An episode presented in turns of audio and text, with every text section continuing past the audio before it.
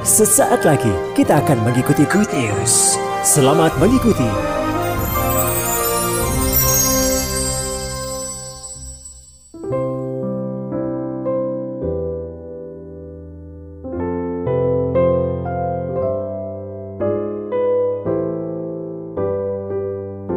Shalom, saudara yang dikasih dalam Kristus Yesus Tuhan, kiranya hari-hari ini ke depan, perbanyaklah saudara mengucap syukur kepada Tuhan atas semua kebaikan, perbuatan-perbuatan, dan bahkan rancangannya yang dipersiapkan pasti digenapi dalam kehidupan ini. Dan ketahui bahwa bukan saja digenapi dalam kehidupan saudara, tapi bagi keluarga, terlebih bagi kota dan bangsa ini. Karena Tuhan memiliki proyek yang besar, yaitu untuk keselamatan bangsa-bangsa. Saya harus berani menyatakan ini, karena saya yakin percaya saudara semuanya telah diselamatkan. Maka sebagaimana tema yang Tuhan berikan untuk tahun 2023 ini, kita yang sangat yakin sudah diselamatkan, apa langkah selanjutnya yang harus kita lakukan? Maka firman Tuhan dalam kisah Rasul 13, 47 dan 48 di situ mungkin hari-hari ini perlu terus ini sebagai visi misi tahun ini. Kita yang sudah diselamatkan, kita telah ditapkan untuk menjadi terang bagi bangsa. Kisah 13 47 48. Sebab inilah yang diperintahkan kepada kami. Aku telah menentukan engkau menjadi terang bagi bangsa-bangsa yang tidak mengenal Allah. Supaya engkau membawa keselamatan sampai ke ujung bumi. Mendengar itu bergembiralah semua orang yang tidak mengenal Allah dan mereka memuliakan firman Tuhan. Dan semua orang yang ditentukan Allah untuk hidup kekal menjadi percaya. Boleh dong tepuk tangan bagi Tuhan Yesus. Saya harap ketika kita membaca dan mengerti apa yang Tuhan kendaki untuk kita jalani di tahun 2023 ini, kita ibaratnya prajurit yang sudah dipanggil atau dibunyikan bel atau peluit untuk apel. Sudah siap siaga untuk kita siap melaksanakan apa yang Tuhan kendaki. Tidak ada seorang pun kita tertidur, tidak ada seorang pun yang tidak mengerti apa yang harus kita lakukan hari-hari ini. Inilah waktunya. Artinya waktu untuk kita berubah. Bisa jadi kita selama ini berdoa untuk kepentingan pribadi, ibadah untuk kepentingan pribadi, bahkan melayani juga untuk kepentingan pribadi. Karena melayani, layani Tuhan supaya kamu diberkati, supaya pekerjaanmu diberkati, supaya bisnismu diberkati, supaya anak-anakmu diberkati. Itu tidak salah. Tapi saya sudah katakan ini waktunya untuk kita berubah. Bahwa inilah saatnya kita berdoa, kita beribadah, kita melayani, kita melakukan segala aktivitas kita adalah untuk orang lain, untuk sesama, lebih-lebih untuk mereka yang belum mengenal. Untuk kota dan bangsa. Ini yang harus saya tekankan. Sebab apa? Kalau saudara sudah yakin sudah diselamatkan, yang penting kita sekarang ini harus menjaga kehidupan kita supaya berkenan di hadapan Tuhan. Itu yang kita kejar. Paling tidak selengkapnya akan saya katakan bahwa semakinlah berkenan di hadapan Tuhan. Sampai-sampai Allah sendiri berkata tentang Daud bin Isai, aku telah menemukan Daud bin Isai seorang yang berkenan di hatiku. Ini harus kita kejar. Jangan lagi cemas, khawatir tentang kebutuhan. Saya sudah berulang kali soal ini. Kalau saja hidup saudara dan saya ini berkenan di hadapan Tuhan, seberat sebanyak apa pun pergumulan yang sudah hadapi, Bapa di surga sanggup menyelesaikan semua itu. Bahkan saya pernah berkata, tanpa engkau doakan, tapi engkau terus mengejar perkenanan Allah. Yaitu menangkap, mengerti, merenungkan dan melakukan apa yang Tuhan kehendaki. Ini waktunya. Jangan lagi setiap kali kita ibadah, doa malam, mungkin doa minggu, termasuk doa puasa atau apa pun lah. Hanya untuk mengejar kehidupan kita sendiri. Kita masih terpaku dengan satu firman yang mengatakan, kamu tidak akan jadi ekor, kamu akan jadi kepala, kamu akan terus naik dan tidak akan turun. Berulang-ulang hanya di situ terus. Sehingga akhirnya kedapatan saya dan saudaranya mengejar nikmat sendiri. Mengejar keuntungan sendiri. Kita ini atau gereja Betel Indonesia ini adalah gereja Betel Injil sepenuh sebenarnya Artinya yang diajarkan doktrinalnya. Tidak hanya berbicara tentang keluarnya bangsa Israel, keluarnya kita dari belenggu dosa, ya, terus berputar-putar di situ. Tidak, kita tidak hanya juga apa, tidak hanya belajar atau mengkhotbahkan tentang mujizat-mujizat. Kita sanggup menyeberangi laut Tebrau dalam mujizat, mujizat terus. Tidak juga. Kita tidak juga membicarakan atau menjalani kehidupan hanya di padang gurun terus berputar-putar. Masalah terus yang kita bicarakan, masalah terus yang kita bicarakan yang dipergumulkan. Saya sudah pernah katakan, saatnya ini kita mempergumulkan apa yang jadi kerinduan Tuhan. Jangan bergumul hanya oleh masalahmu sendiri. Bukan salah juga untuk yang baru saja kenal Tuhan tidak masalah. Bahkan kalaupun sudah bangsa itu masuk ke negeri perjanjian, bukan lalu hidup nikmat. Segala sesuatu tersedia. Satu negeri yang limpah susu dan madunya menjadi kaya raya. Lihat, hidupku kan berkenan ke hadapan Tuhan. Buktinya apa? Aku diberkati, pekerjaanku diberkati, bisnisku diberkati. Artinya aku berkenan di hadapan Tuhan. Masih berputar-putar juga di sekitar itu. Gereja Betel Indonesia mengajarkan Injil sepenuh, selengkapnya dan kita percaya semua tulisan yang ada di perjanjian lama perjanjian baru semuanya itu adalah firman Allah. Tidak sekedar mengandung firman Allah, tapi semua itu adalah firman Allah. Mari berikan tepuk tangan bagi Tuhan Yesus. Nah, mengacu kepada tema, maka saya ingin bersaksi sedikit. Tadi malam ketika saya sudah diberikan kata hati, saya doa-doa lebih-lebih tadi pagi setelah saya sudah kirim ke mana-mana. Tuhan itu bicara. Kenapa masih banyak orang yang cinta uang? Orang yang cinta uang itu berarti menyembah uang. Kalau itu yang disembah, itu yang dicintai, maka kita tidak akan pernah jadi serupa dengan gambarnya. Kita akan serupa dengan gambar duit itu. Jadi ketok-ketokan duit doy yang akhirnya kalau disebutkan di dalam Alkitab kan serakah. Hati-hati, siapa yang kau sembah? Pokoknya di duit, waduh, lalu kita wow, bekerja lebih giat. Wah, melakukan lebih, lebih sungguh-sungguh apa? Dia yang memberkati saya. Sing ketok-ketokan gak rupo, saudara. Ya. Saudara yang dikasih yang Kristus Yesus, saya dipimpin Tuhan untuk membawa saudara dan saya maju untuk akhirnya bisa serupa dengan dia. Mari berikan tepuk tangan bagi Tuhan Yesus. Maka ketika saya berdoa untuk kata hati mengenai cinta uang dan seterusnya tadi, kemudian Tuhan mengatakan, mengapa hal itu terjadi? Karena mereka tidak mengasihi aku. Waduh, kaget saya.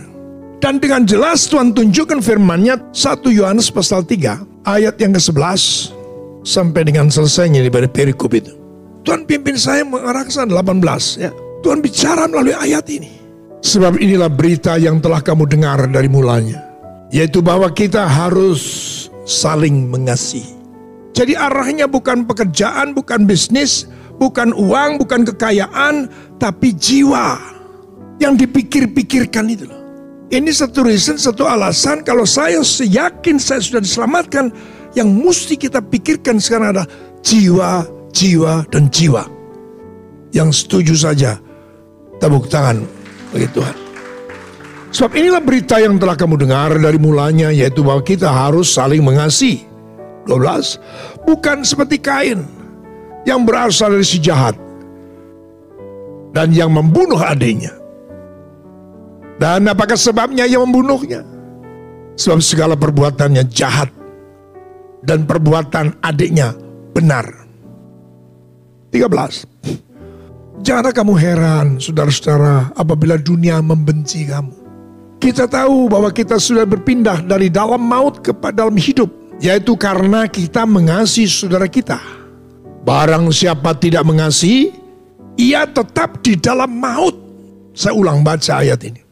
Kita tahu bahwa kita sudah berpindah dari dalam maut ke dalam hidup. Yang sudah pindah katakan amin. Tapi ternyata ada penjelasan.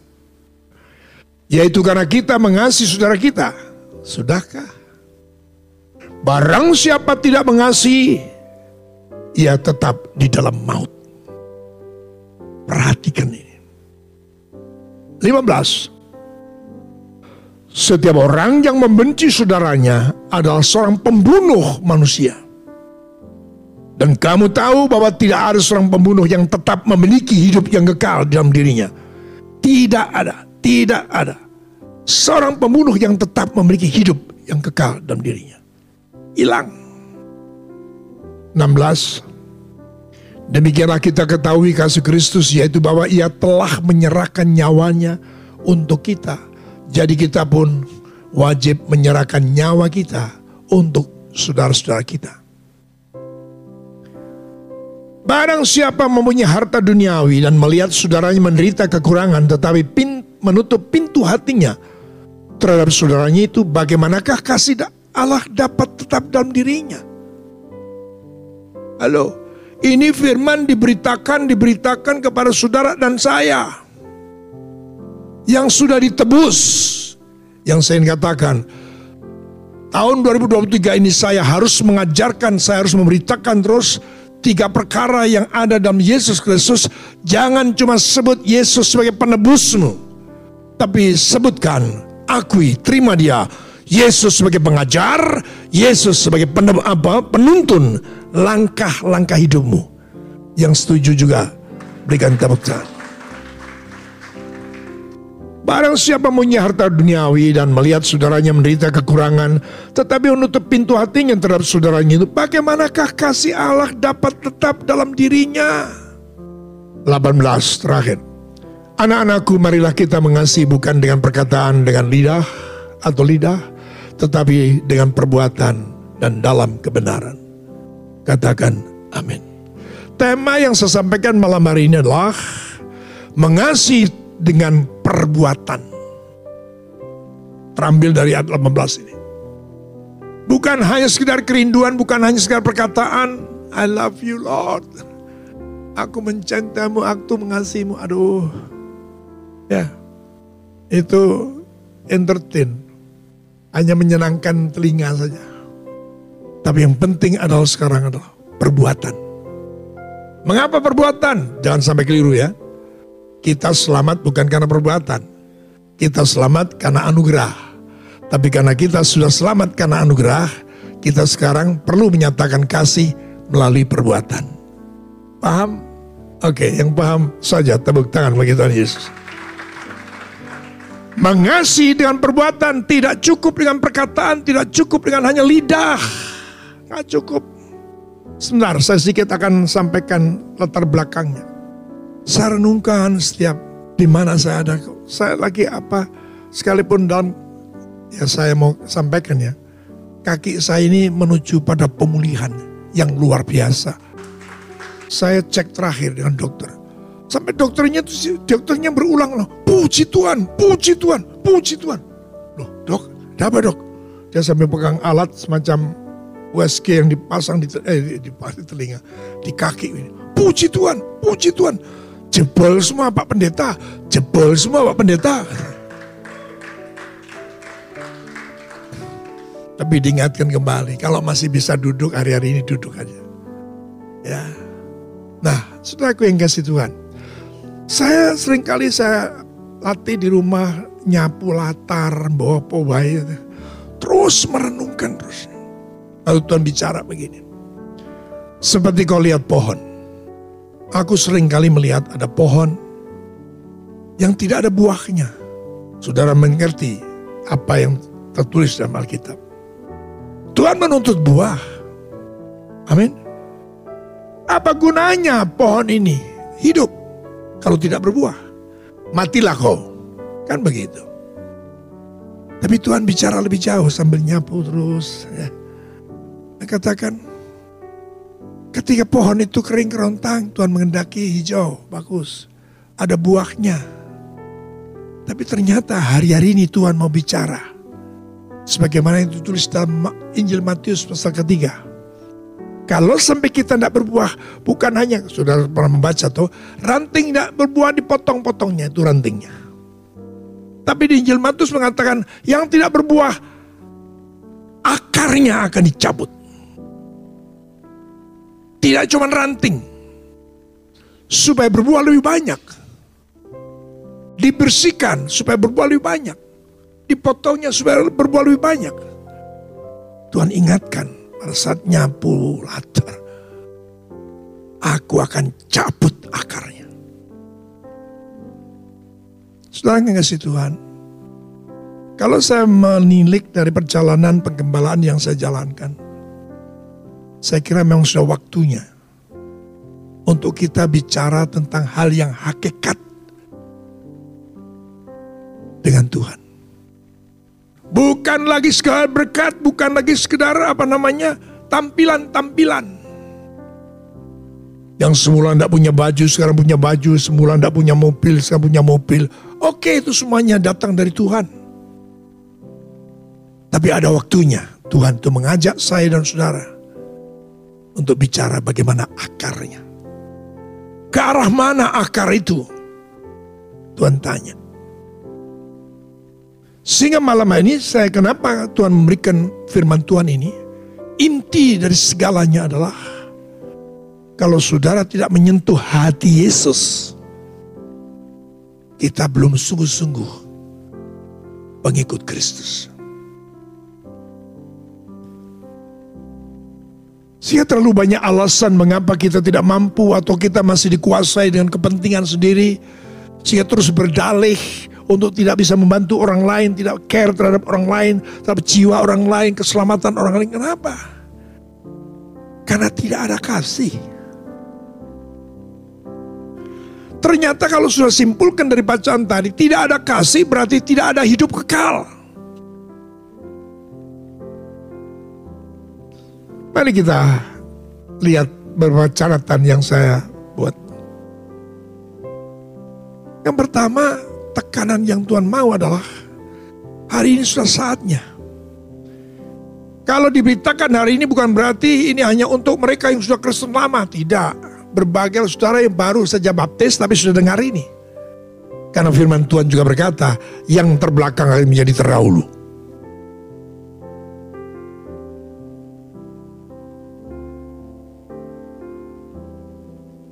Mengasihi inilah yang Tuhan kehendaki. Sesama.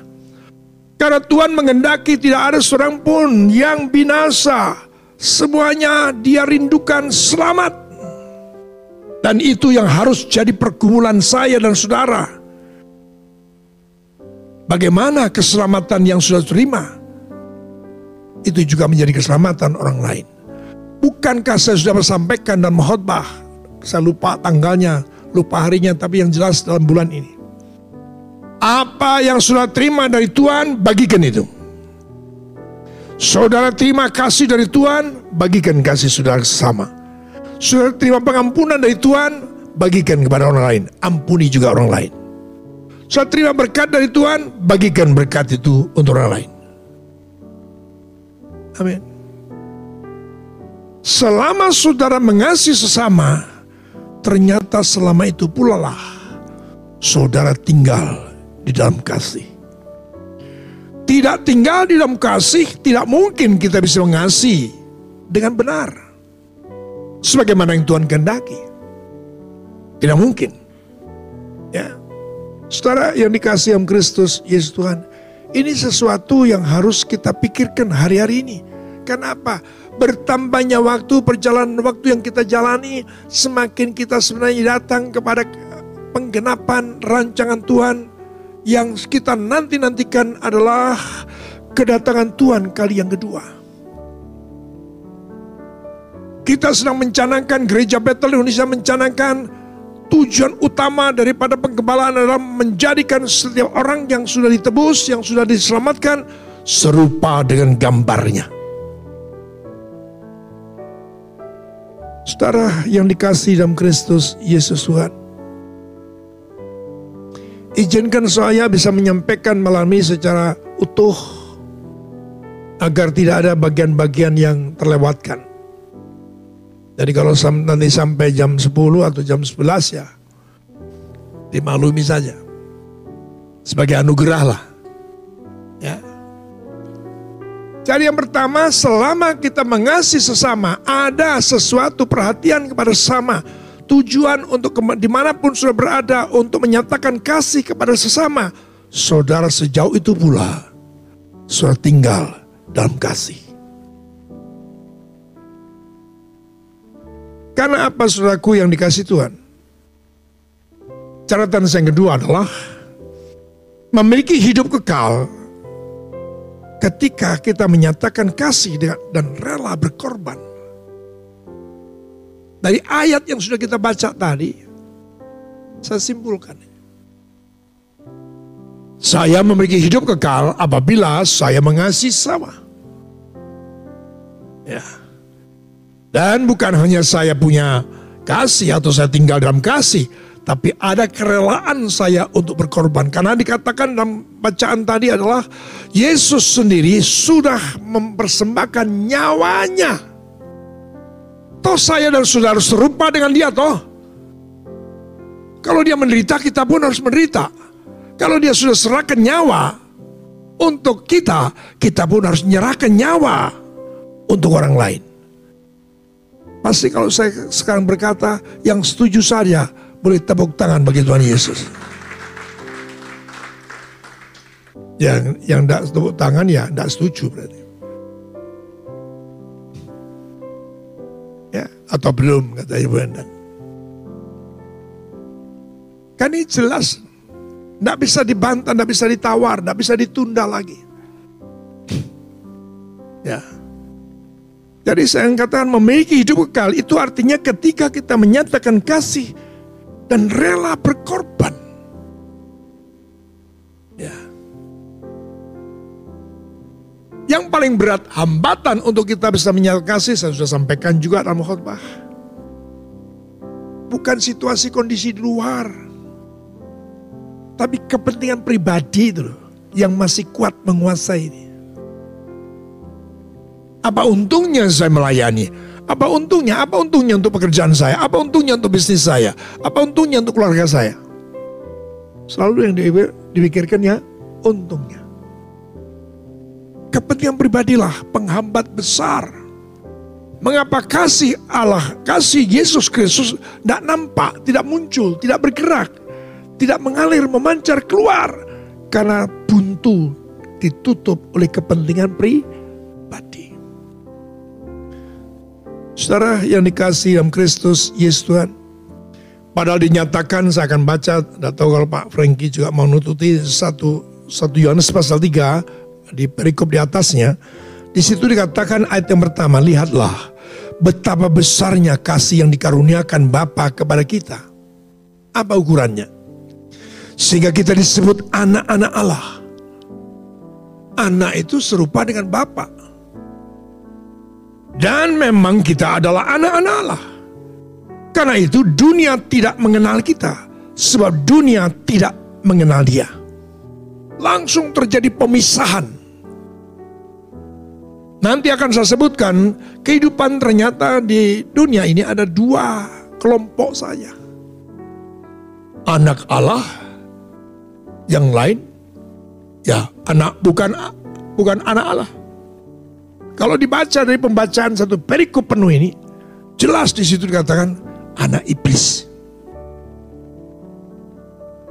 Dua, saudara-saudara yang kekasih, sekarang kita adalah anak-anak Allah. Tetapi belum nyata apa keadaan kita kelak. Akan tetapi kita tahu bahwa apabila Kristus menyatakan dirinya, kita akan menjadi sama seperti dia. Halo. Sebab kita akan melihat dia dalam keadaannya yang sebenarnya. Menjadi serupa, nanti akan ada penjelasan kapan itu. Kalau sekarang saya sampaikan, ketika Tuhan mendapati saudara dan saya tidak bercacat celah. Pak Franky kembali pada catatan saya. Yang ketiga, catatan saya yang ketiga adalah manusia hidup akhirnya dibagi dua yang saya, saya, saya tadi bilang. Yang benar sama yang jahat. Yang memiliki hidup kekal dan yang mati kekal. Itu digambarkan tentang Habel dan Kain. Yang membunuh, yang dibunuh dan yang membunuh. Yang benar dan yang jahat. Hanya dua kelompok saja. Ya. Dan dikatakan dalam ayat yang ke-12 14 12 14 bukan seperti kain yang berasal dari si jahat yang membunuh adiknya. Dan apakah sebabnya ia membunuhnya? Sebab segala perbuatannya jahat dan perbuatan adiknya benar. Jadi dua kelompok ini saja. Ada tengah-tengah, nggak ada abu-abu. 13. Janganlah kamu heran, saudara-saudara, apabila dunia membenci kamu. Karena dunia itu tidak sama dengan kita. Tidak sewarna. Kalau saya mau pinjem di awal ini ya, kita sudah dikuduskan, mereka belum. Kita sudah dilayakan, mereka belum. Kita sudah dibenarkan, mereka belum. Kita meroleh kasih karunia, mereka belum. Amin. Jadi dunia, mengapa dunia membenci kita? Itu jawabannya. Sehingga seperti Kain dan Habel, iri. Loh, kok sing dilem Habel? Podo-podo ngisi persembahan. Loh. Kok sing dilem meng Habel? Nah, pateni wae. Ya, karena dialah yang membuat saya beda. Dia yang membuat saya jahat. Dia yang membuat saya nggak berkenan. Nah kalau saya sendirian, Anda ada pilihan lain. Itu pikirannya. Sehingga dibunuh.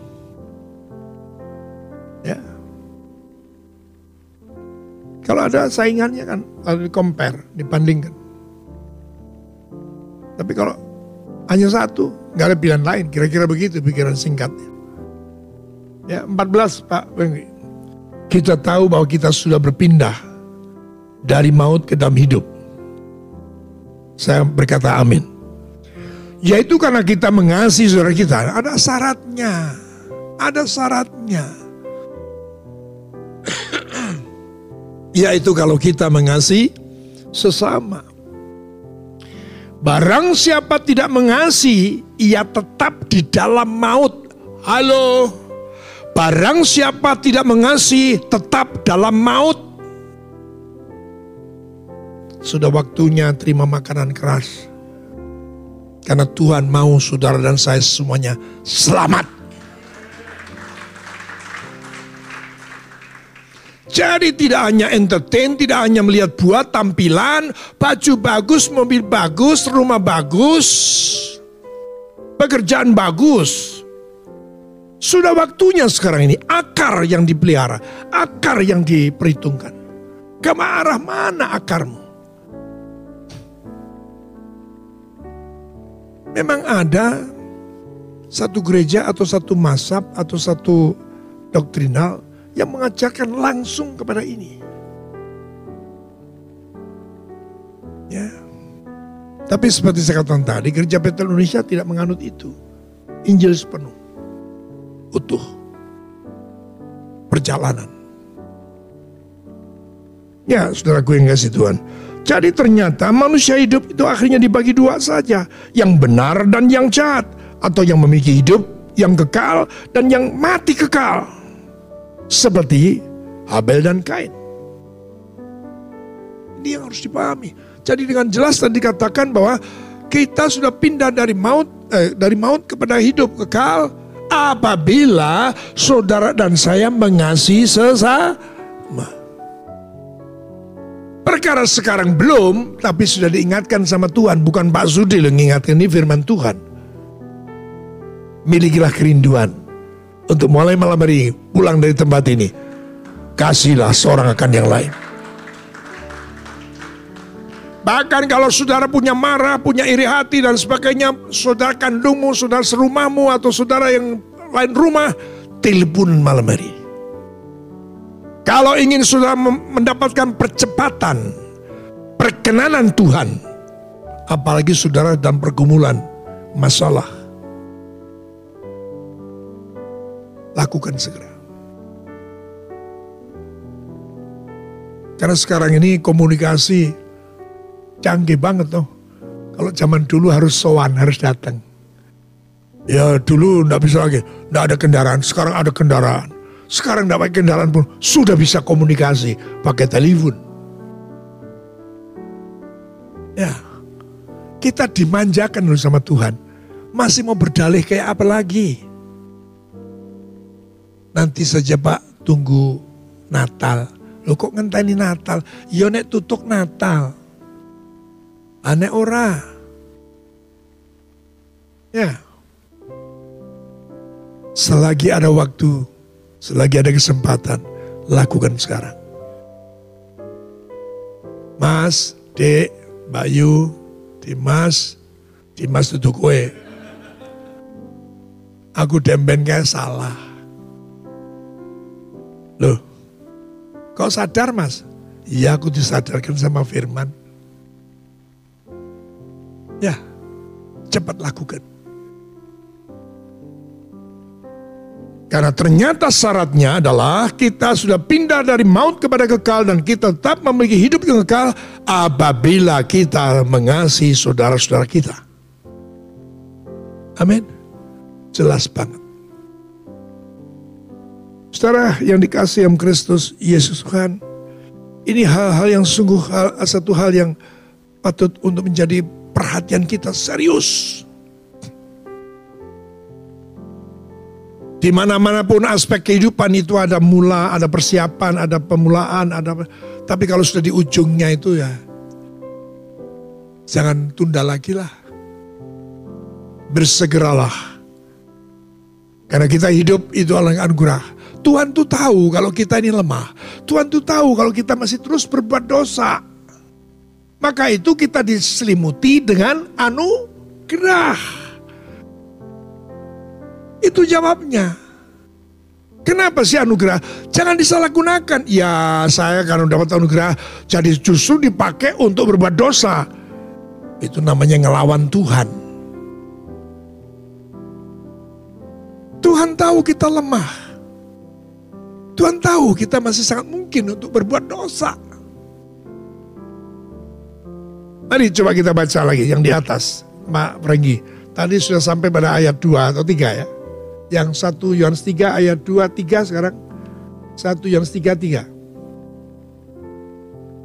Setiap orang yang menaruh pengharapan itu kepadanya menyucikan diri sama seperti dia yang adalah suci. Sama seperti dia yang adalah suci. Menjadi serupa dengan dia. Jadi jangan jangan saudara mempunyai gambaran so aku nek kayak Pak Jokowi, oh berarti saya harus jadi presiden. Oh kalau saya serupa dengan Tuhan, oh saya berarti akan jadi Tuhan. Untuk menjadi serupa ada banyak hal yang bisa kita dapatkan. Termasuk kita mengejar hal yang kudus, hal yang suci, hal yang benar. Karena dia adalah kebenaran. Berikan Ayat 4. Setiap orang yang berbuat dosa melanggar juga hukum Allah. Sebab dosa ialah pelanggaran hukum Allah. Katakan amin. Ojo sungkan. Istiakoni we. Ya, lima. Dan kamu tahu bahwa ia telah menyatakan dirinya supaya ia menghapus segala dosa. Dan di dalam dia tidak ada dosa. Masalahnya apakah kita benar-benar tetap di dalam dia?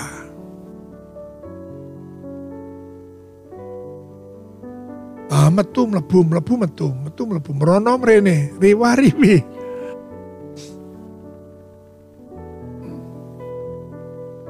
Hati-hati, keinginan pribadi, nikmat pribadi, kepentingan pribadi itu penghalang besar untuk membuat kita ujungnya tidak bisa taat, tidak bisa setia.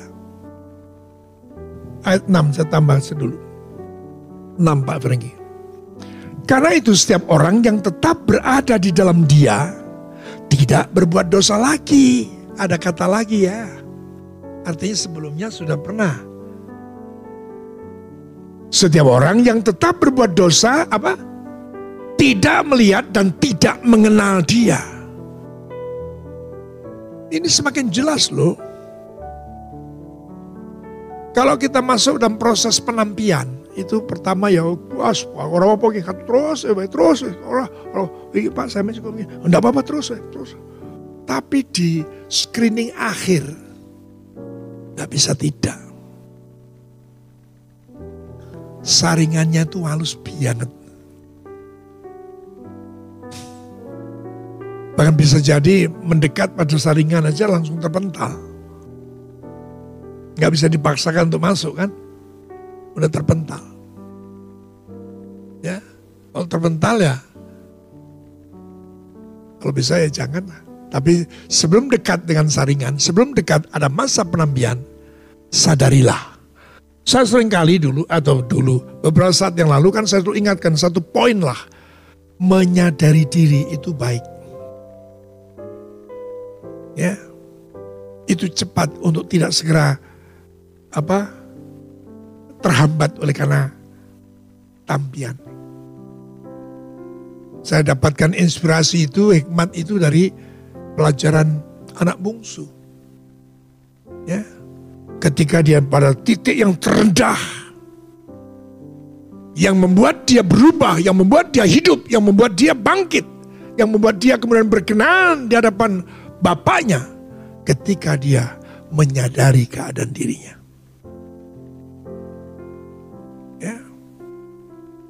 Baik, sampai di sini sampai enam. Kembali pada catatan saya yang keempat adalah kasih dimulai dari hati. Itu yang saya maksud akar. Ke arah mana? Kalau hanya tumbuh saja, yang penting berbuah, kan begitu. Ya awalnya sih iya. Oke, yang penting buah. Buah, buah. Tapi seperti saya katakan di depan tadi, kalau tidak berbuah dipotong rantingnya aja. Tapi di Injil Matius pasal 3 dikatakan kapak sudah tersedia di tangan. Siapa yang tidak berbuah akan dipangkas sampai akarnya. Kasih itu dimulai dari hati dan dinyatakan. Kalau dinyatakan bisa jadi perbuatan tidak mulai hati. Karena apa empati? Oh konco dewe. Gitu. Tapi saja nih, biar musuhku. Dulu dia pernah menyakiti hati saya. Tapi oh banyak orang yang lihat ya. apa Bukan dari hati. Tapi dari lingkungan. Yang dimaksudkan malam hari ini adalah perbuatan yang diawali dari hati. Itu yang saya maksud akar menyentuh hati Yesus. Boleh dong, gak ngantuk tepuk tangan bagi Tuhan Yesus.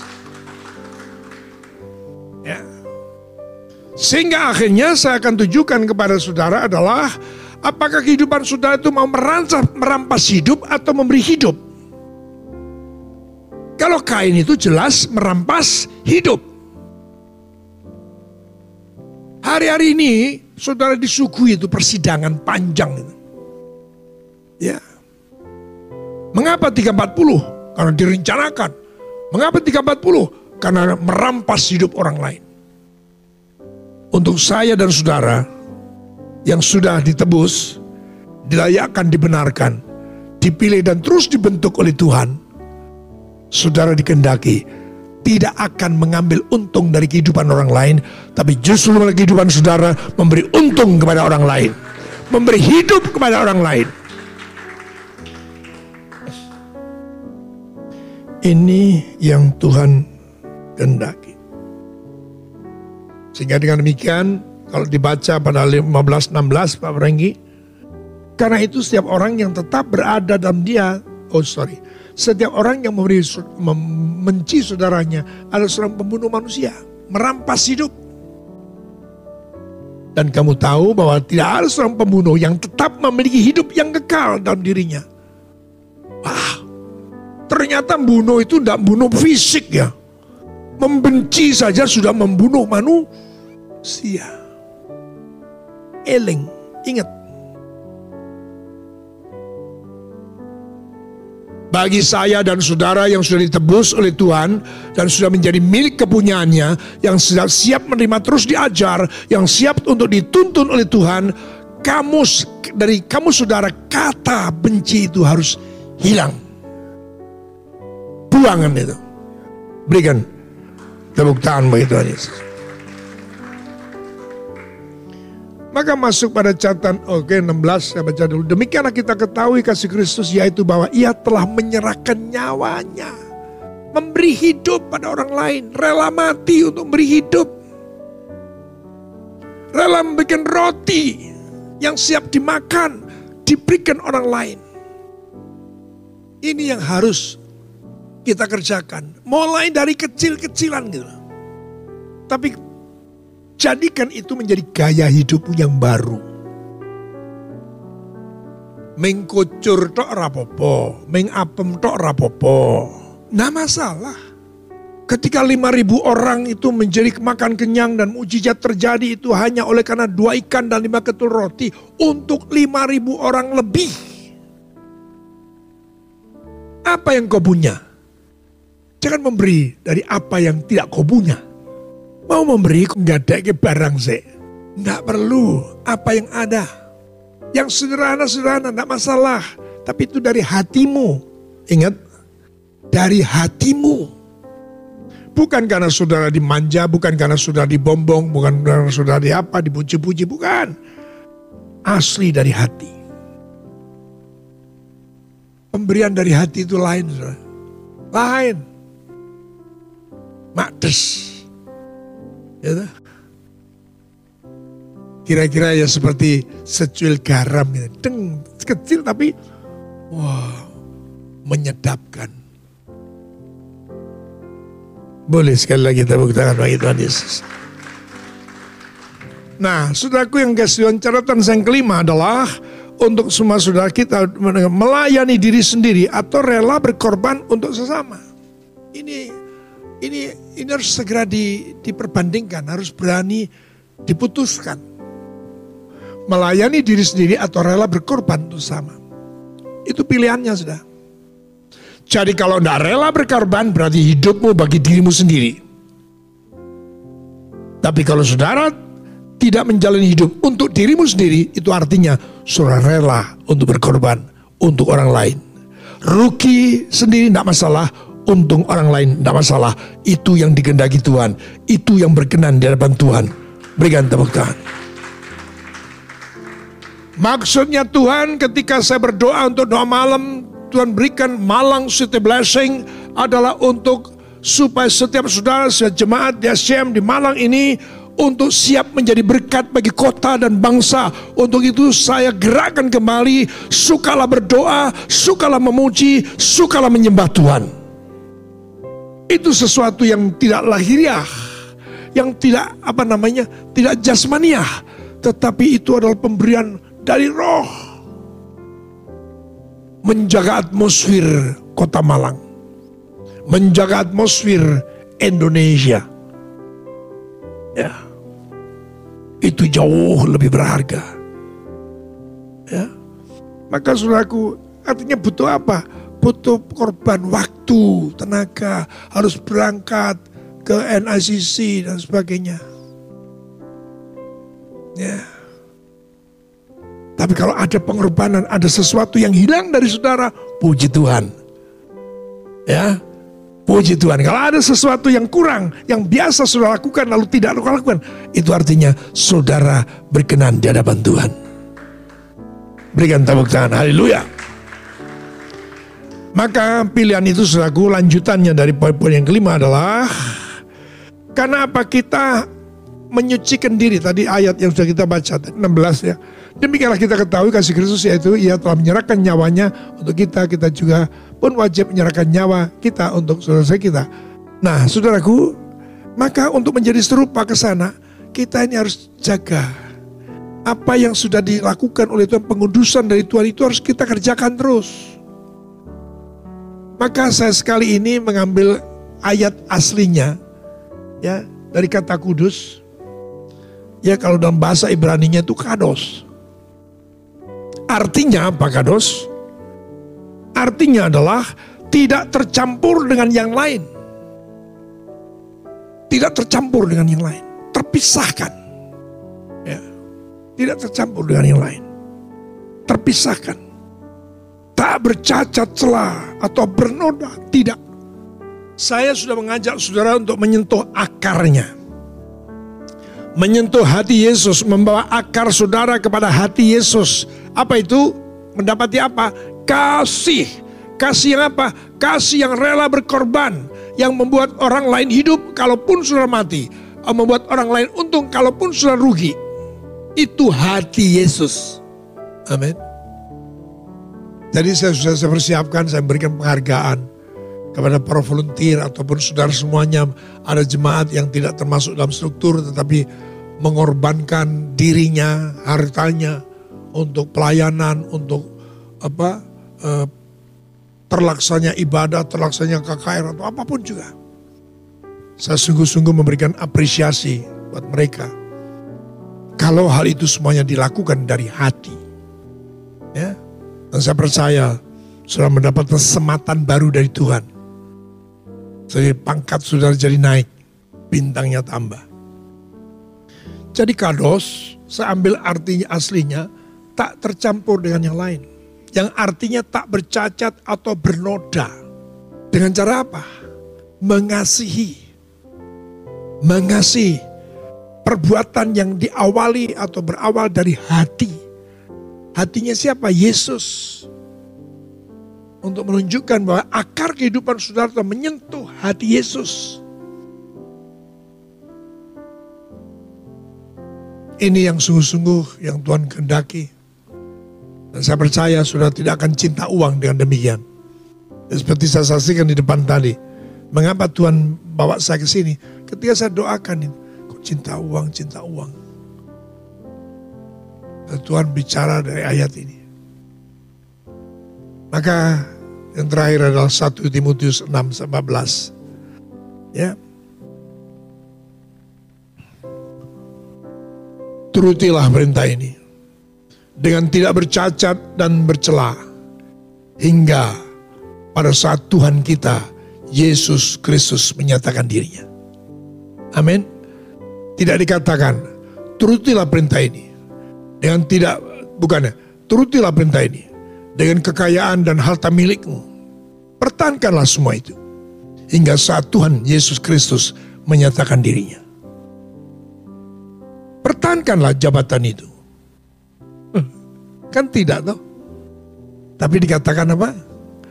Yang tidak bercela dan hingga yang tidak bercacat dan tidak bercela hingga pada saat Tuhan kita Yesus Kristus menyatakan dirinya tepuk tangan yang panjang bagi Tuhan Yesus. Kembali intinya apa? Akan terjadi kalau saudara sudah tidak lagi memikirkan tentang kepentinganmu, memikirkan kepentingan orang lain, merelakan saudara rugi supaya orang lain untung, merelakan saudara mati supaya orang lain hidup. Ya, ini yang firman Tuhan ajarkan pada kita malam hari ini. Dan percayalah, selagi kita dalam dunia ini, kalaupun itu sudah harus lakukan, saya berani memberikan jaminan yang pasti dari jaminan karena firman Tuhan. Engkau tidak akan pernah mati, tapi justru hidup kekal sudah ada padamu. Tuhan Yesus memberkati semua saudara juga yang mengikuti ibadah ini dengan online. Ya, bersukacitalah dan datanglah. Kalau saudara bisa datang, kalau saudara bisa hadir dalam kesempatan ibadah apa pun juga minggu dan sebagainya, jangan lagi online datang ke tempat di mana kita beribadah. Puji Tuhan. Tuhan Yesus memberkati semua saudara. Bapak kami mendengar isi hatimu hari ini. Tempatkanlah kebenaran ini dalam setiap hati kami. Menjadi benih yang hidup. Jangan bertumbuh. Dan menyatakan kemuliaanmu. Terangmu di tengah dunia ini. Di mana engkau sedang mengajar kami untuk kami berani mengambil langkah memutuskan untuk melepaskan segala sesuatu yang menjadi kepentingan-kepentingan kami untuk orang lain diselamatkan untuk kota ini diberkati untuk Indonesia diberkati bawalah hidup kami kepada perkenananmu Tuhan. Dalam semua aspek kehidupan kami. Agar sungguh-sungguh engkau dapati kami akhirnya tak bercacat dan bernoda. Saat kedatanganmu pada kali yang kedua Tuhan. Terima kasih Bapak, terima kasih. Ya percaya kasihmu hebat atas kami. Sebab firmanmu pernah berkata Tuhan barang siapa takut kehilangan nyawa akan kehilangan nyawa. Namun apabila kami tidak takut kehilangan nyawa karena engkau justru kami memperolehnya. Terima kasih Bapak. Lanjutkan isi hatimu untuk kami dengar melalui kebenaran firman-Mu. Kiranya melalui malam, mulai malam hari ini Tuhan, kami mau belajar. Sekalipun saya kami akan mulai dari hal yang terkecil. Kami akan belajar memulainya Tuhan. Untuk memberkati sesama kami. Untuk memberikan hal yang terbaik bagi orang-orang di sekitar kami. Sehingga sungguh melaluinya nama Tuhan dipermuliakan. Terima kasih Tuhan. Terpujilah kami engkau kekal selama-lamanya. Sudah kasih Tuhan, kuatkan dan teguhkanlah hatimu. Tuhan terus mengajak saudara dan saya untuk hidup yang kita kejar adalah perkenanan Tuhan. Mengejar dia untuk hidup kita semakin hari semakin berkenan di hadapannya. Tempatkanlah dia sebagai prioritas dalam hidup. Agar sungguh, kalaupun dunia semakin membenci kita sekalian, itu tandanya saudara dan saya menjadi serupa dengan dia. Bapa, mereka semua adalah umatmu Tuhan, baik yang onsite maupun yang online. Amba serahkan mereka semuanya dalam tangan kasih karuniamu sebab engkau yang menebus mereka. Dan kiranya Tuhan terus yang menuntun langkah-langkah hidup mereka. Sehingga mereka tidak ada seorang pun yang kedapatan menyimpang ke kanan ataupun ke kiri. Tidak ada seorang pun yang berlambat-lambat. Semuanya tetap melangkah. Sebagaimana yang engkau kehendaki. Sedang kasih Tuhan terimalah. Berkat damai sejahtera dari Allah Bapa di surga. Cinta kasih Yesus Kristus yang tidak berbatas. Kekuatan kuasanya yang dikerjakan oleh roh kudus. Mulai malam hari ini. Maranatha sampai kekal selama-lamanya. Haleluya. Amin.